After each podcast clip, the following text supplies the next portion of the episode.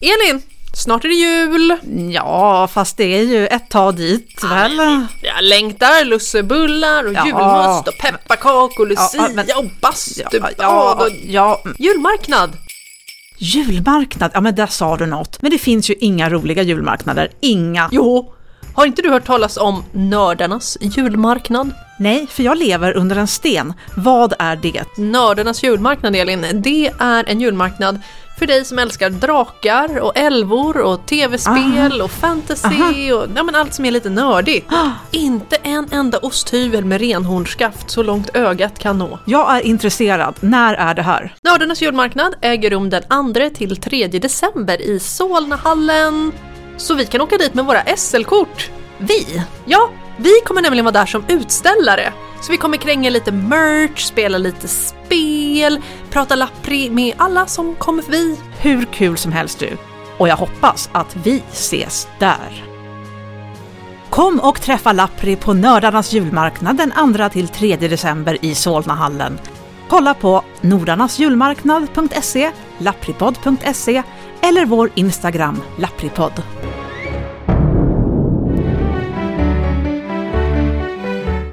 Lappri.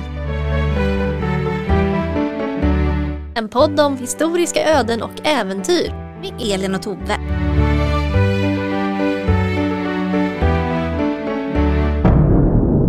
Hej Tove! Hej Elin, hur är det? Det är bra.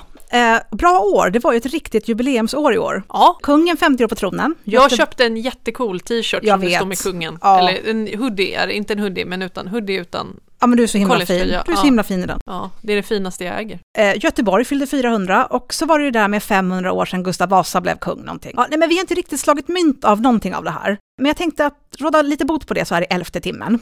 Tove, jag har läst en gammal bok igen.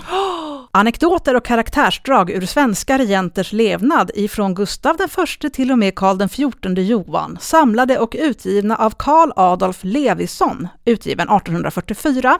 Okej, så en anekdotbok. Jag har inte hittat så mycket om denne herr Levisson. Han jobbade som kammarskrivare, sattes i personlig konkurs 1841 och dog 1849, bara 39 år gammal. Mm. Men åren däremellan utnyttjade han till max. Förutom den här anekdoter och karaktärsdrag förgyllde han 1840-talet med en handfull titlar ägnade åt att sprida glädje till svenska folket. Okej, ja. Ibland under pseudonymen Onkel Adolf. Onkel Adolf. Till exempel lutfisk och sötgröt serverad av Onkel Adolf, en samling sällskapslekar till tidsfördriv under julhelgen.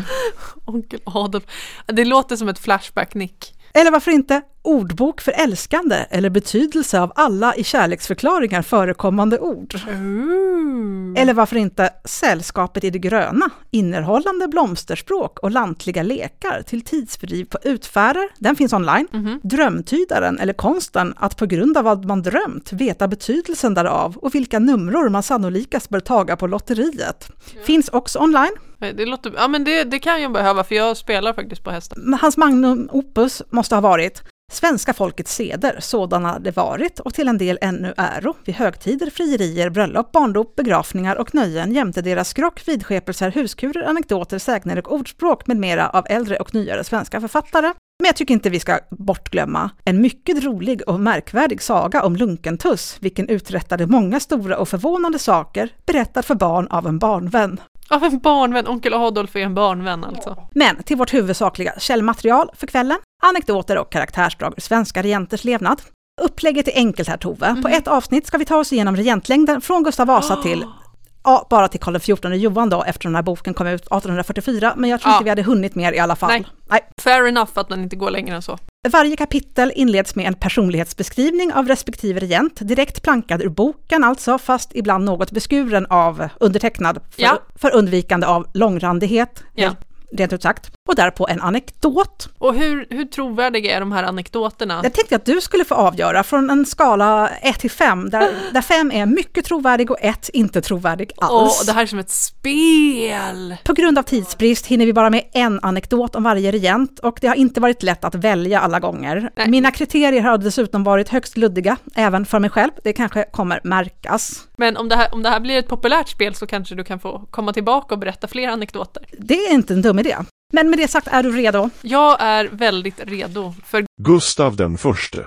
Gustav ägde ett vackert yttre. Han hade ett runt huvud, ljust hår och långt vackert skägg, liten rak näsa, vacker mun och röda läppar, vacker frisk hy, lagom stora vackra händer, fyllig kropp, med ett ord, ett reguljärt och imponerande mansutseende. Ah!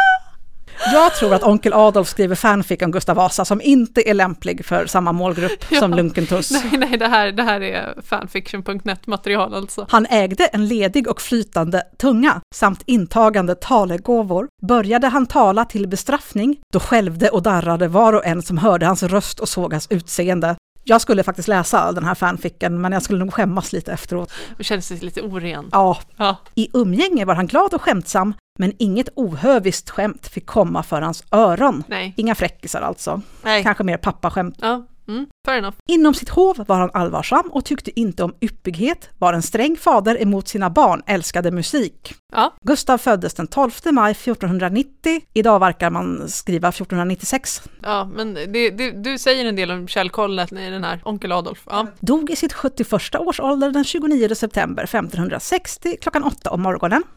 Anekdoten. Det här är en känd anekdot och jag är väldigt förvånad över att ingen historiemålare på 1800-talet har skildrat den. Okej, kanske vi kan skildra den. Då Gustav som barn vistades hos Svante Sture i Uppsala hade han en dansk lärare vid namn Ivar som var sträng och näpste Gustav hårt.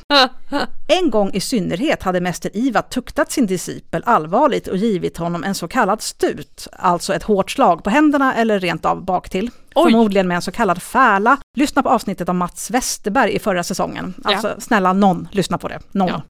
Häröver blev den unge Gustav Vasa så uppbedragd att han drog fram sin lilla värja, högg tvärt igenom boken som han hade framför sig och gick sin väg yttrandes ”Jag tör giva dig och din skola tusande jävlar”. Svenska skolan. Mäster Ivar svarade kallt ”Nobili nati nolunt aliquid pati”. Adelsmäns söner vill jag icke tåla något. Nej, direkt på Erik den fjortonde. Ja, jag får ju säga först hur trovärdigt det Ja, är. ja men förlåt, förlåt. Två. Inte särskilt trovärdig. Nej. Erik den fjortonde.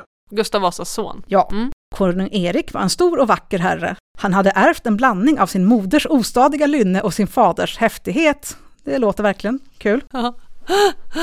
Han var ganska väl uppfostrad, ägde mycket naturlig kvickhet, men därjämte ett oroligt eldfängt, nyfiket och misstänksamt hjärta. Han var vällustig och älskade vackra fruntimmer, var vältalig och älskade prakt. Han var en from och hurtig konung, men hade ej djupsinnighet nog att utvälja sig redliga och ärliga rådgivare. Och här har inte jag förkortat någonting, det här var allt onkel Adolf hade att skriva om Erik Om Erik den 14. Ja, jag, jag gillar särskilt att det kommer en, eh, ett litet omdöme om monarkens utseende Ja. först då, så vi får veta liksom om de är snygga eller inte.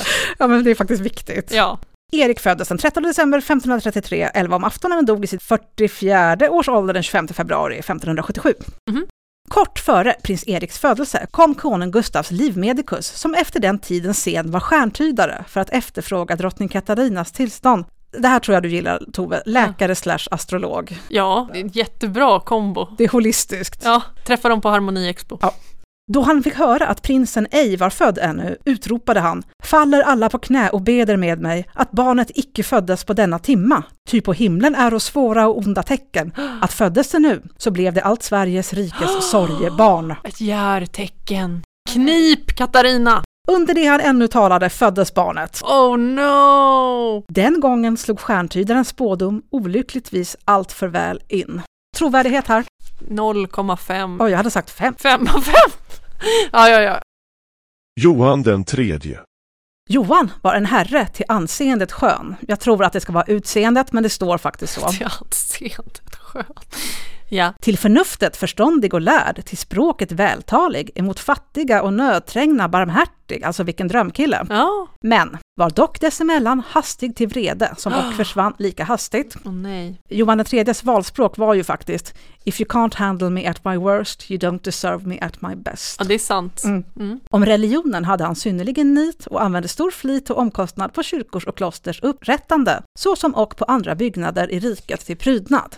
Höll stark och sträng uppsikt, och att allt måtte i riket ordentligt tillgå. Här tänker jag att ordet micromanager förmodligen Ja. knappt användes 1844, Nej. men det är nog det man Det, är det, menar. det, det är det det Ja. står. Ja. Mm. Johan föddes den 21 december 1537 och dog nära 55 år gammal den 17 november 1592 klockan tre på eftermiddagen. Okej. Anekdot.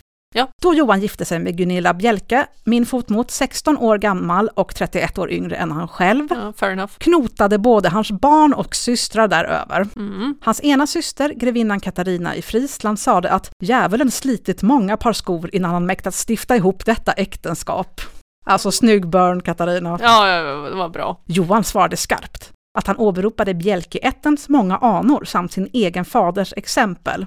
Och då menar han alltså sin egen styvmamma Katarina Stenbock, alltså var två år äldre än Johan och 40 år yngre än Gustav Vasa. Jag tror inte Han, det var ett mönster för nej, han, äktenskap. han, nej, men han åberopade sociala arvet och från va, familjen Vasa. Och sen yttrade han, min arm kan väl räcka eder där ute, där SDA upphörer med ert bjäbbande. Fem av fem. Vem skulle vinna ett rap battle, Katarina eller Johan? Katarina. Ja, Mm. ni andra kan mejla in er röst.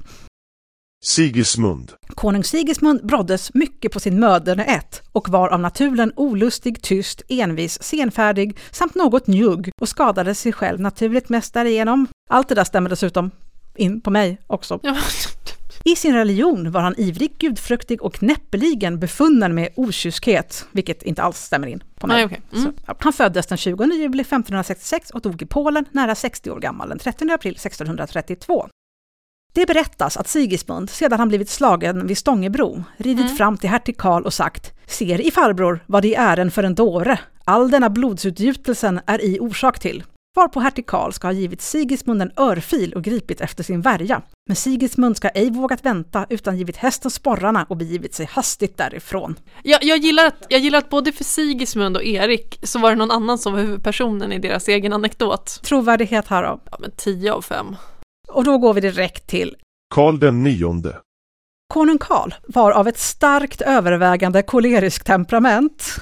Hans växt var, liksom alla konung Gustavs söner, reslig och stark. Alltså jag vet inte varför, men jag har alltid tänkt med honom som kort. Ja, men jag tänker att han knappt ser över det här bordet som vi Exakt, sitter vid nu. ja. Alltså, man kan, där jag håller handen nu, där, så man kan se kanske hans ögon över bordskanten. Ja, men en och tio skulle jag tippa Ja, på. ja. Ja. Vi, får, vi får kolla, det är väl någon har väl grävt upp honom. Oavsett så hade han ett manligt och nog skarpt utseende. Så att då konung Erik och Johan III med skäl kunna kallas för vackra herrar, såg denna broder alltid något ond ut. om, du, om din beskrivning var den Sigismund så är det här jag. Han var en sträng och allvarsam regent, gudfruktig, en oövervinnelig försvarare av fäderneslandets frihet och emot påviska stämplingar. Älskare av sträng rättvisa, här kan vi hänvisa till avsnitt 6 denna säsong. Ja. Snar till vrede och misstänksam. Han förde en tarvlig hovlevnad och hatade all uppighet. Ut i hela svenska historien finns ej så många onådiga brev samfällt som av Karl IX ensam. Han föddes den 4 oktober 1550 mellan klockan 1 och 2 om natten och dog nära 61 år gammal den 30 oktober vid middagstiden mellan klockan 11 och 12. Jag förstår inte varför det står middagstiden och mellan klockan 11 och 12. ja, men så att vi ska förstå vilken tid det var på dagen. Ja, onådiga brev var det. Axel Stensson Lejonhuvud hade 1604 skrivit en smädeskrift under namn Hertig Karls slaktarebänk. Alltså det är en riktigt Ja. bra titel, men det- är faktiskt inte Axel Lejonhuvud som har skrivit den här. Han skrev Nej. däremot andra smädeskrifter om Karl, så det kan ju ligga till nära till hands att Karl misstänkte Axel, Mm. av goda skäl. Hertig Karl slaktare bänk. Och Karl tillskrev honom i anledning därav ett brev av den 2 juli som förtjänar anföras såsom ett bevis på denne konungs brevstil. Men man kan också läsa det som en bokrecension tycker jag. Okej. Du har väl skrivit, Axel Stensson, en sådan bok så att aldrig någon själv i världen har funnits som så dristig och oförskämd varit, att han trott sig sådana smädeord, lögn och osanning att uppdikta och sammansätta, därmed du icke allenast haver velat defamera och föraktat göra vårt ärliga goda rykte och namn, utan och andras med, och särdeles ditt fädernesland skämt och försmädad, såsom en ärelös och ordlös avskummad bösevikt. Så kultursidorna var helt vilda på Vasatiden. Så där låter det när min chef skriver till mig också. Och efter du, ut i samma lösaktiga och skälmska traktat, skriver att du vill försvara vad du skrivit inför kejsare, konungar och förstar, vill vi därför veta om du tillstår att samma bok är av dig sammansatt, så ska du därpå få ett sådant svar att hela världen ska få veta ditt förrädliga, lögnaktiga, ordlösa hjärta och lära sig att taga tillvara för dig såsom den ärelösaste, avskummaste själv som i hela världen finnas. Ja men som sagt, det är sådana mejl jag får på jobbet. Vill du vara ursäktad så svarar du oss. Svarar du icke så skäms du vid saken och då vill vi bevisa att allt vad som du haver skrivit, det haver du diktat, ljugit och gjort som en vettelig skälm och bösevikt och lagt dig en sådan skam för dina egna föräldrar att de en sådan avskummad förrädare har fött av deras liv. Och om ni stackars lyssnare där inte får med er någonting annat från det här avsnittet än ordet bösvikt så tror jag ändå att ni har gått med någon sorts vinst. Bösevikt alltså. Bra ord. Det här är inte ens en anekdot tror jag, det här är verkligen ett brev som man kan hitta i Ja, arkiv så det blir ju fem. tusen av fem. Ja, tusen av fem. Ja. Okej. Ja. Gustav den andre Adolf. Gustav Adolf var den största man på sin tid. Jag, jag misstänkte att det här skulle bli en... en ehm, Är det här fatshaming? Ja, du menar fat-shaming? Nej, för han har inte kommit till Karl X Gustav än. Okej, okej. Och överträffade i flera avseenden forntidens hjältar. Nej, okej, kanske inte fatshaming då.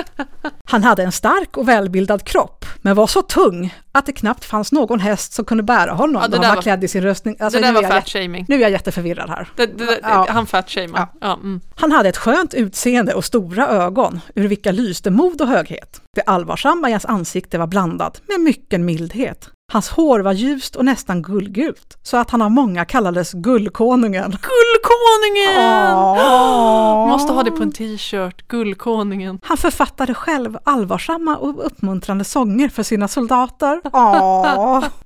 Hade alls ingen fruktan för faror, utan blottställde sig själv som den ringaste soldat och ägde därigenom den största kärlek av sina krigare. Han var en trogen och öm vän, därför var även så många honom personligen tillgivna. I krig var han mer mänsklig än någon krigare på sin tid. Jag förer icke krig mot bönder, sa han. Jag önskar hellre se dem i välstånd än störta dem i fördärv.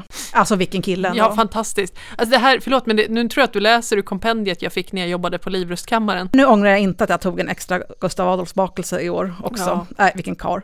Gustav Adolf var född den 20 december 1595 och dödades vid Lützen nära 37 år gammal den 6 november 1632. RIP.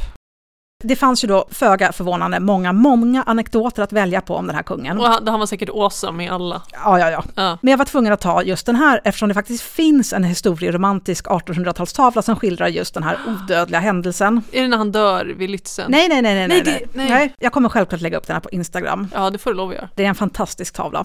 Här är anekdoten. En bonde skänkte Gustav Adolf en gång en liten Ölandshäst. Mm. Den femårige prinsen var frikostig och räknade därför upp några ungerska gyllen åt bonden, sägande ”Där har du betalning, du kan väl behöva penningar och vill förmodligen ej giva mig hästen för intet.” That's it, det är anekdoten. Han var liksom en god kille redan när han var fem år. Gyllen är då guldmynt, så jag antar att poängen med anekdoten är att den här bonden fick pengar som förändrade hans liv. Ja, typ. men det var ingenting för Gustav Adolf som Nej. var så förmögen. Femåringen hade liksom en obegränsad budget. Fem av fem. Fem av fem, ja. Ja, det här hände. För jag skulle vilja veta hur det gick för bonden och hans nya livsstil. Kristina. Oj, första damen här ikväll. Oj, oj, oj. Kristina var vårdslösad under sin uppfostran i barnaåren genom moderns stora efterlåtenhet. Hon gjorde flera farliga fall, varav hennes växt led så att den ena axeln var högre än den andra. Ja, så funkar det. Ja. Mm. Detta fel förstod hon likväl senare att dölja genom sitt sätt att klä sig och sin gång. Mhm. Jag älskar att man bara lägger vikt vid det här fysiska felet som kan döljas, det är viktigt. liksom. Ja, det är väldigt viktigt. Mm. Inte någonting om livslång trauma på grund av Maria Eleonoras psykiska terror eller sådär. Nej, men nej, men det, det var standard. Vi kanske inte ska begära för mycket av onkel Adolf här 1844 heller. Onkel Adolf har gjort sitt bästa. Hon ägde ett stort snille och förstånd samt grundlig kännedom i de flesta språk. Hennes passion för oberoende och hennes lynnes ostadighet blottställde henne under hela hennes bana för obetänksamma steg, besynnerligheter, ja, även motsägelser. Ja, men hon är en kvinna så hon är lite, ja. Nu vill jag att du lyssnar på det här och tolkar det. Mhm. Stor vid flera tillfällen, var hon vid andra endast ovanlig.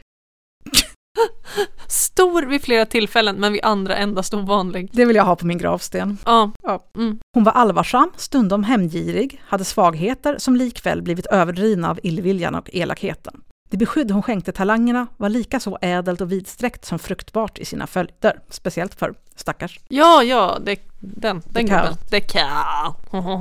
Il est trop fort. Oh. Kristina föddes den 8 december 1626, avsade sig regeringen den 6 juni 1654 och dog i Rom ut i sitt 63 år den 9 april 1689. Här blir det en väldigt kort anekdot och alla kommer förstå varför jag valde just den. Ah, Okej. Vid slutet av sin regering vårdslösade Kristina sin klädsel ganska mycket. Linnet var ej sällan nedbläckat, stundom söndrigt och kam nyttjades ofta blott en gång i veckan. Mm. Vilket för dig låter som klinisk depression. Ja, jo. Det, Eller vad, är det här? väl, väldigt mycket gaming kanske. vad, är det här två. för, ja, vad är det här för hemsk anekdot? När man fästade hennes uppmärksamhet på dessa förhållanden svarade hon de som icke har någonting annat att göra må sysselsätta sig med dylikt lappri. Wow! Queen. Queen. 20 000 av 5. Ja, jag håller Mm. med. Karl den tionde Gustav. hade tagit Gustav Adolf till sitt mönster i kunglig dygd och storhet. I mandom och tapperhet en föresyn för sina krigare. I mödor och faror den första var han i verksamhet outtröttlig, så att han aldrig åt andra överlämnade att verkställa vad han själv kunde hinna med att uträtta. Alltså ännu en micromanager som Ja. inte kunde delegera, förklarar varför han dog före 40 års ålder. Hans anletsdrag vittnade om lynnet och själsegenskaperna. De blåa livliga ögonen var framstående, djärva och befallande, vilket uttryck jämte en hög grad av beslutsamhet också vilade över munnen och de stora läpparna. Ja, över hela ansiktet.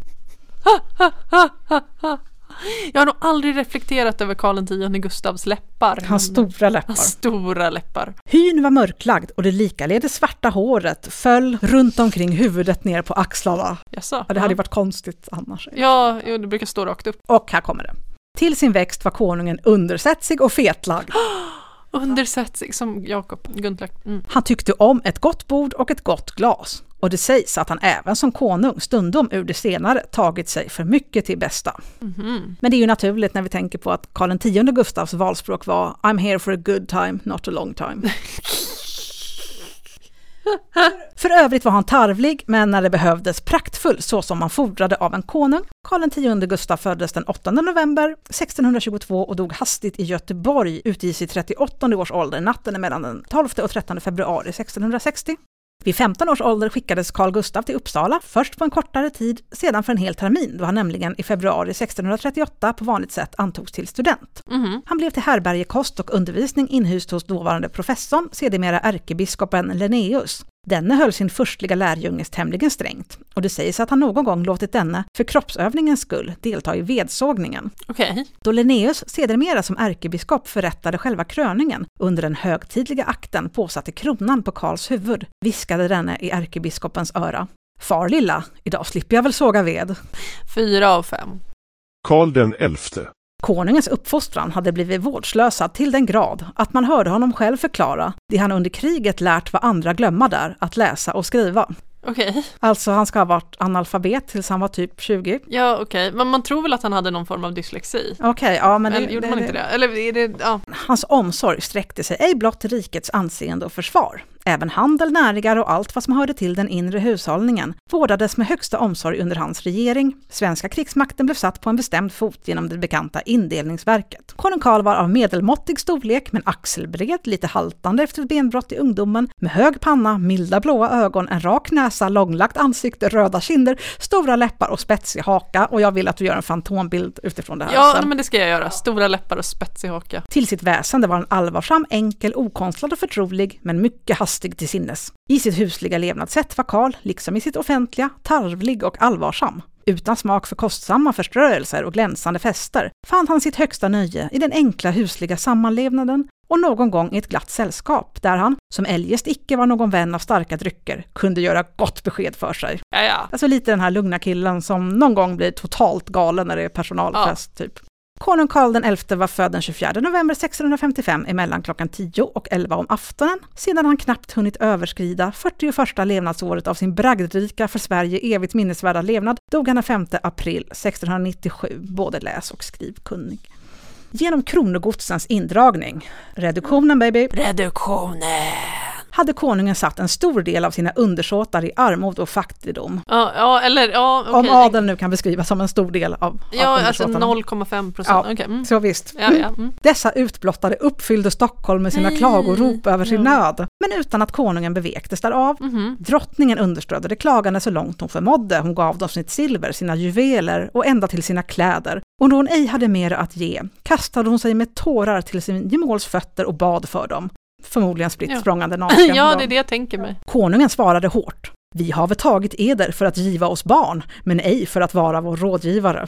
Det var hårt. Ja. Mm. Drottningen tog sig denna och flera hårdheter så nära att hennes hälsa därigenom mycket avtog. Nej! Förmodligen även på grund av att hon inte hade några kläder kvar. Ja, ja det, hon frös ju. Ja.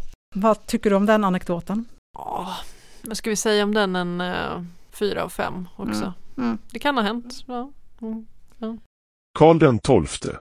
Konung Karl hade ett långlagt ansikte, hög panna och mörkblå blixtrande ögon, var av lång smärtväxt, axelbred och ovanligt stark till sin natur. Hans klädsel var enkel, lika enkelt var hans levnadssätt, vatten ur en järnbägare var hans dryck och stadiga enkla anrättningar hans föda. Okej. Att Karl XII icke saknade skicklighet för ordnande planer bevisar hans organisation av kanslikollegium, eller det ännu till denna dag bibehållna konungens kansli, fördelat i sex expeditioner. Sex expeditioner, Tova. Wow! Ja. Sex hela expeditioner. Mhm, mhm. Så som människa var Karl ädel, god och eftergiven. Ofta då han under fälttåget kom dit där hans pager låg sovande, svepte han täcket till om dem med egna händer. Han stoppade om dem, Tova. Det är klart han gjorde. Och alla sina soldater. Det var ett jäkla skoj när han själv fick gå och lägga sig Ja. ja. kvällen. I sitt umgänge med de personer av vilka han var omgiven ville han ha allting rent och uppriktigt. Skämt och infall tålde han gärna och visste att ge dylika tillbaka, men intriger och förtal var honom förhatliga. Inget jävla drama. Nej, nej men han orkar inte. Så som krigare var Karl tillbedd av sina soldater. Långt efter hans död erinrade sig var och en Karolin, så som hans efterlämnade krigare kallades, med tårar den hjältemodiga konungen. Åh. Vilken delade med dem alla mödor och besvärligheter. Tankarna om hans värde såsom fältherre är mera delade. Man har förebrott honom äventyrlighet samt brist på plan och tydligt tänkta ändamål, vilket låter exakt som jag när jag skrev det här avsnittet Ja. faktiskt. Förnämligast i egenskap av statsman har Karl uppburit förebråelser för en oböjlig och envis karaktär. Vore emellertid alla dessa förebråelser grundade, upphör likväl Karl XII aldrig att som en ovanlig konung och den största hjälte leva hos svenska folket i ett vördat minne. Jo tack, vi vet det. Ta- tack du, ja, tack du har, du, du har fått ditt sagt onkel Adolf. Ja. Konung Karl föddes den 27 juni 1682 klockan kvart i sju på morgonen och dödades i sitt 37 års ålder den 30 november 1718.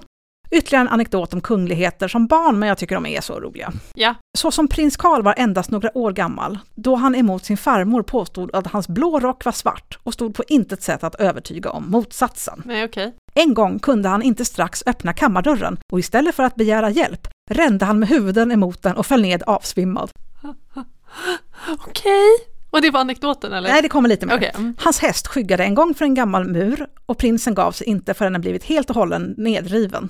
Denna envishet, som i framtiden blev honom så skadlig, hade väl kunnat utrotas, men den moderliga kärleken fördrog allt och lät den plågade läraren Nordenhjelm uppbära allt endast för att inte göra prinsen emot. Jag vill veta mer om Nordenhjelm. Ja, jo. Nordenhjelms diaries. Ja, Ja, trovärdighet här.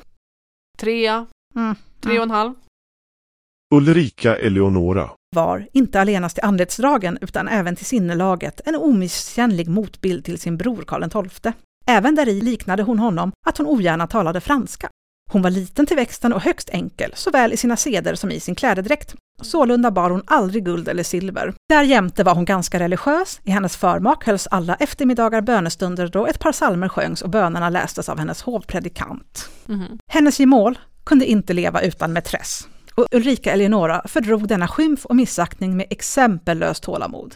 Konungens köld och likgiltighet, oaktat han hade hennes kärlek att tacka för kronan, Ja, kunde ej minska hennes tillgivenhet för honom. Alltså noll självkänsla här, Nej, stackars nej. Ulrika. ja. Kärlek för vetenskaper och konster, välgörenhet samt denna uteslutande tillgivenhet för hennes gemål var utmärkta drag i hennes karaktär. Mm, Mm. Ja. Ulrika Eleonora föddes den 2 februari 1688 och dog i sitt 54 års ålder den 5 december 1741. I ett exemplar av 1719 och 1720 års regeringsformer, Mhm. alltså det som blir inledning på, Frihetstiden. hade drottningen gjort åtskilliga marginalanteckningar. När det föreskrivs att till misstankars undvikande om suveränitetens införande borde alla angelägenheter inte i kabinettet utan i rådet föredragas och därefter rösternas pluralitet avgöras, fann drottningen sådan misstanke vara missfirmlig för hennes börd och tankesätt och skrev därför i bredden ”Det duger platt intet”.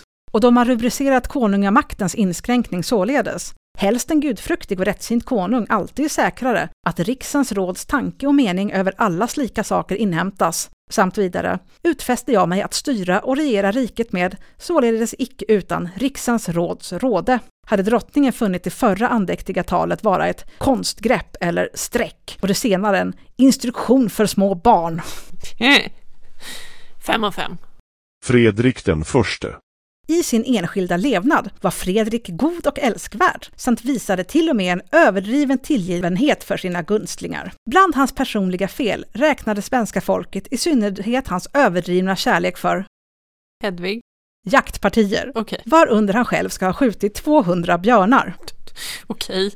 Det är han som är liksom problemet med svenska björnstammen. samt hans utsvävande tillgivenhet för fruntimmer. Ja. Där var det. Där var det. Gärna småflickor. Din tonårsdotter. Det står inte så här, men, Nej, ja. men det är det det är. Ja, och han betalar för det. Han var en herre av ett högt ädelt och nådigt utseende, av en Nej. medelmåttig längd och tjocklek, men ganska axelbred och hade starka muskler. Därjämte ägde han mycken styrka ända tills han träffades av en slagattack. Ögonen var ljusblåa, stora, vackra, kvicka och brinnande. Man kunde vanligen se av dem vad han tänkte, munnen förrådde vid dess minsta drag konungens mildhet. Ursäkta onkel Adolf, men har du sett ett enda porträtt av Fredrik den första? Jag tittar på bilder. Det verkar inte så. Klädseln var merendels slät och rät, stundom med guld eller silvergaloner därpå, synnerligast på västen. Det mesta kulörer han helst bar var till rocken antingen ljusblått eller ljusgrått, men västen var alltid röd. Och alltså okej, om man alltid hade haft röd väst hade det varit en jättebra varningsflagga. Ja, ja, Håll er borta! ja. Men på den första bild av Fredrik den första som dyker upp om man söker på Google så har han en gul väst, vilket Mm. stärker hypotesen om att onkel Adolf aldrig har sett ett porträtt av Fredrik den första. Nej, men han hittar ju bara på. Ja. I mat och dryck var han ganska kräslig, men måltiden varade vanligtvis blott en timma, Mhm. vilket förmodligen var tur för den tonårstjej som för stunden var tvungen att sitta till bords. ja. Under sin regeringstid underskrev han sällan eller aldrig någon dödsdom, utan sökte gärna, om det var möjligt, förlåta förbrytaren då lag och förordningar sådant medgav. Hans gudfruktan var utan skenhelighet och han försummade sällan någon morgon eller aftonbön. Vill du kommentera det?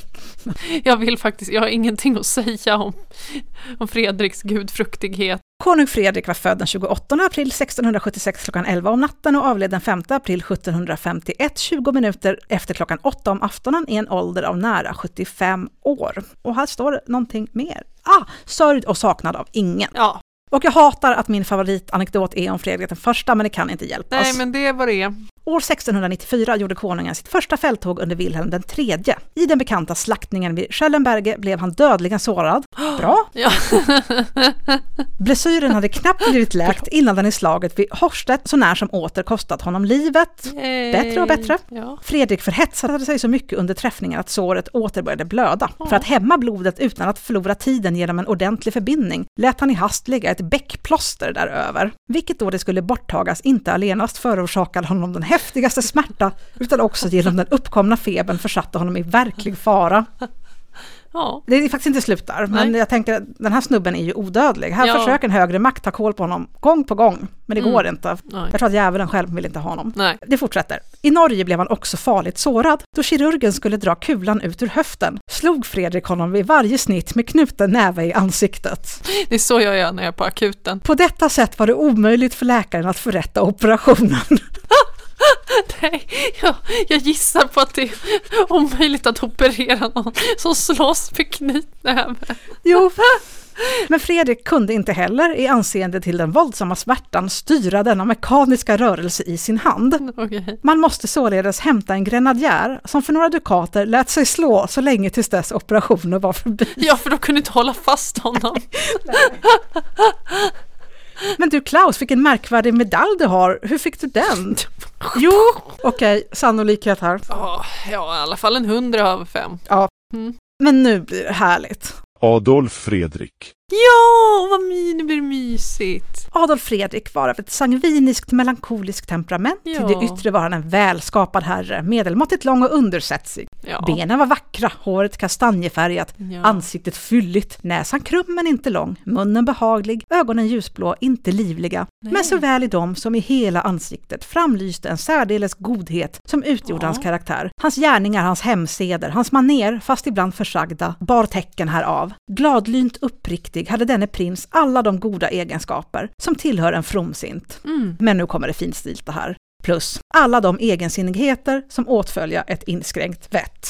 Nej, men han, var, han är ingen intellektuell man. Han var snål utan att vara hushållare och ännu mindre kalkylatör. Han var medlidsam men inte givmild. Konungen sysselsatte sig mycket vid svarvstolen och skänkte sina gunstlingar de arbeten han förfärdigade. Men de satte inte det värde därpå som den kungliga givaren önskade. Nej! Jag tänker väl lite det som när ett barn ger teckningar. Ja. Men vad fin den var, er majestät! Och sen kastar de bara bort. Ja.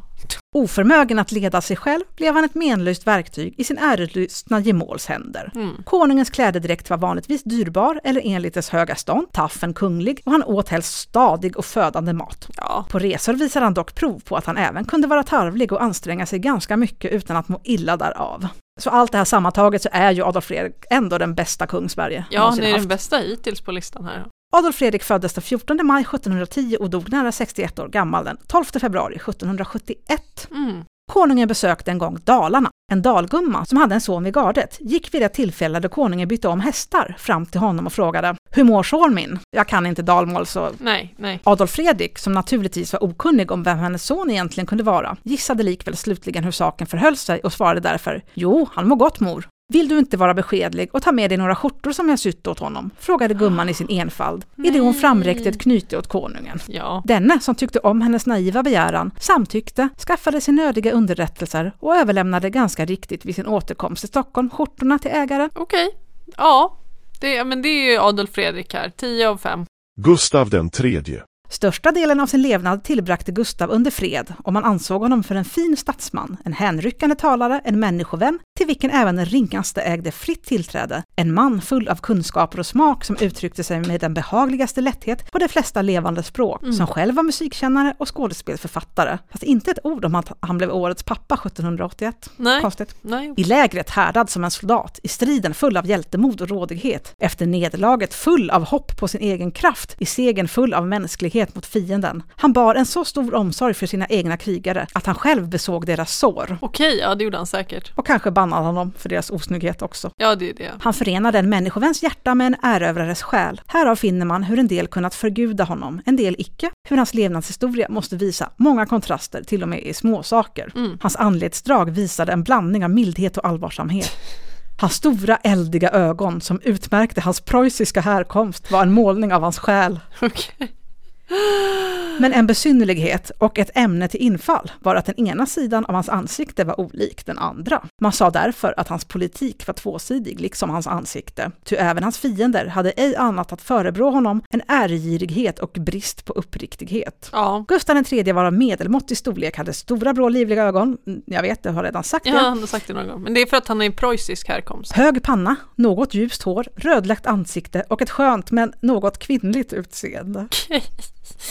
Konungen var född den 24 januari 1746 och dog den 29 mars 1792 och här var jag tvungen att göra ett avsteg för jag kunde inte välja mellan de här två anekdoterna. Ja. Så nu blir det två till priset av en. Ja. Jag beklagar verkligen, men båda anknyter också till första avsnittet av den här säsongen så Ja. Mm.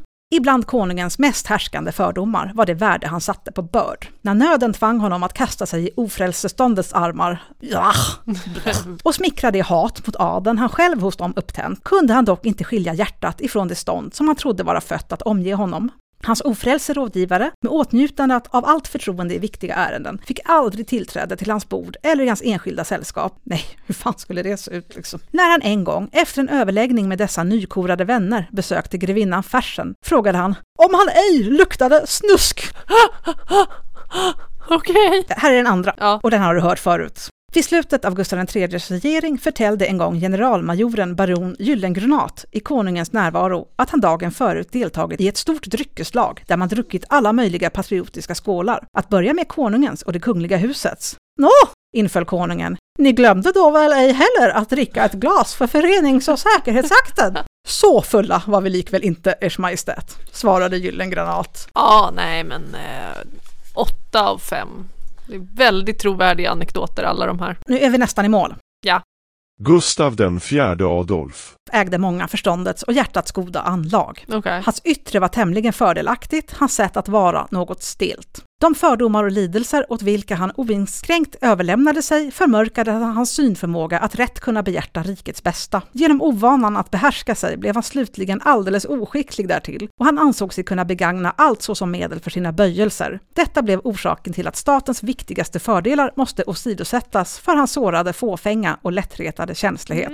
Hot Mess Express. Ja, Oaktat flera högst berömliga egenskaper saknade han likväl helt och hållet en härförares. Ändock ville han uppträda som general. Ja, just den dygd som utgör den största hos en regent, hans karaktärsfasthet, blev det verksammaste medel till hans olycka och tronavsättning. Faderns sorgliga slut synes också inte ha på sonen gjort det intryck att han därav funnit nödvändigheten att foga sig efter människor. Hågkonsten av denna olycka väckte hos honom blott oro och misstroende och stärkte honom ännu mer i hans egen vilja, ty det ökade hans förakt för människor. Eller som vi säger på fackspråk, daddy issues. Ja. Gustav Adolf var vidskeplig. Denna villa som bländade honom rättfärdigade i egna ögon hans halsstarrighet, då förnuftet gjorde allt att föra honom till sans. Mhm. Hot Mess Express. Ja, som var hans valspråk. Gustav Adolf föddes den 1 november 1778, avsattes från tronen den 13 mars 1809 och dog i sitt 59 års ålder i Sankt Gallen den 7 februari 1837.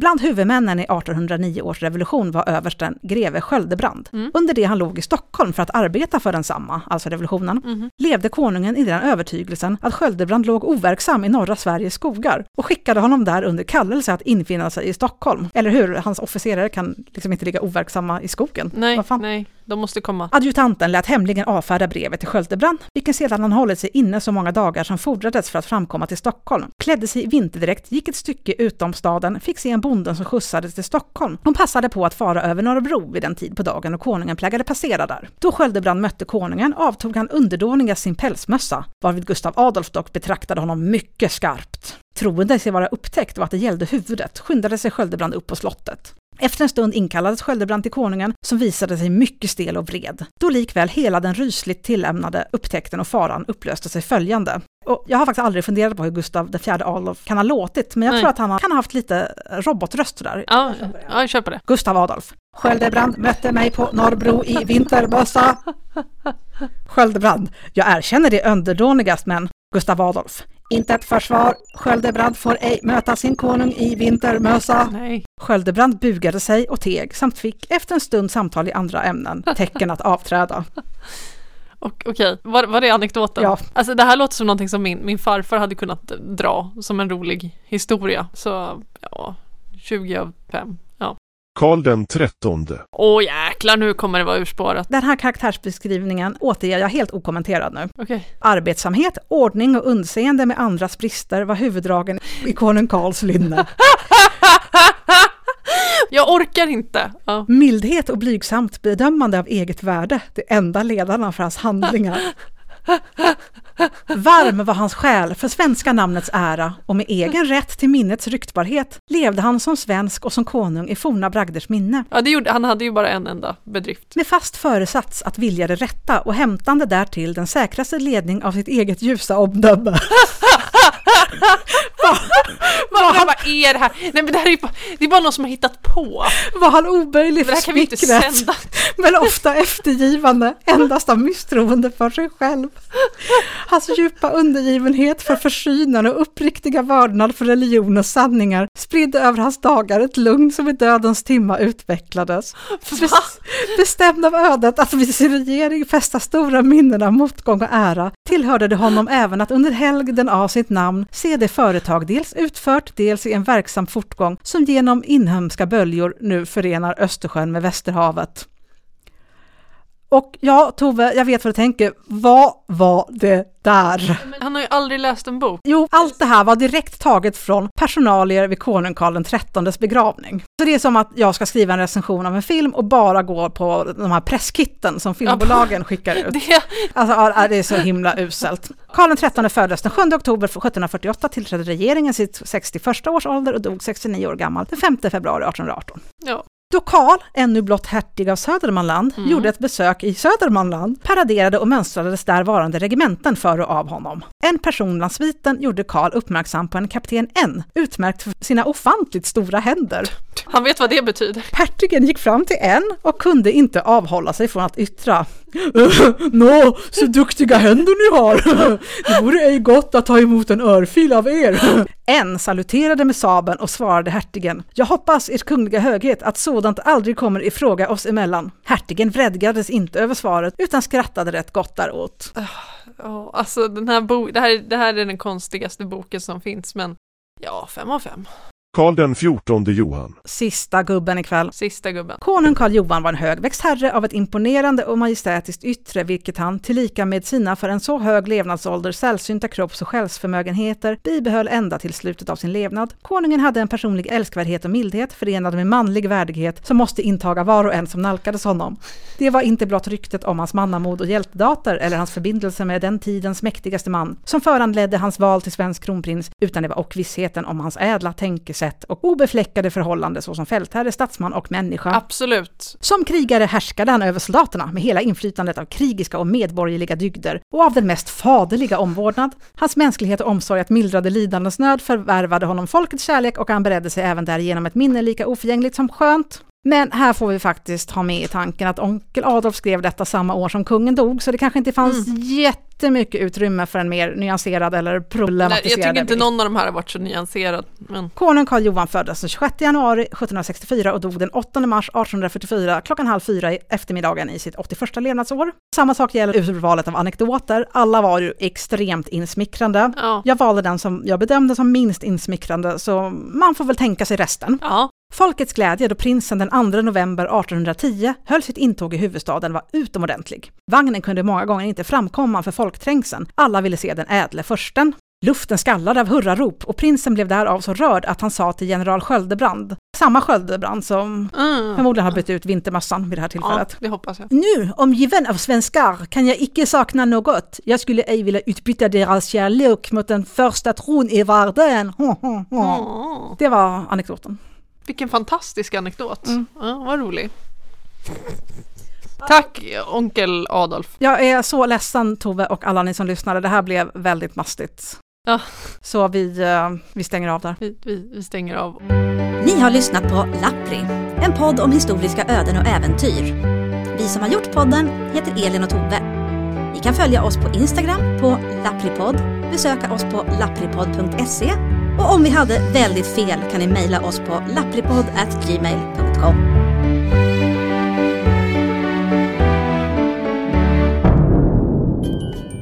Hej goda lyssnare! Du vet väl att du kan stödja Lappri genom att handla i vår webbutik lapprimerch.se.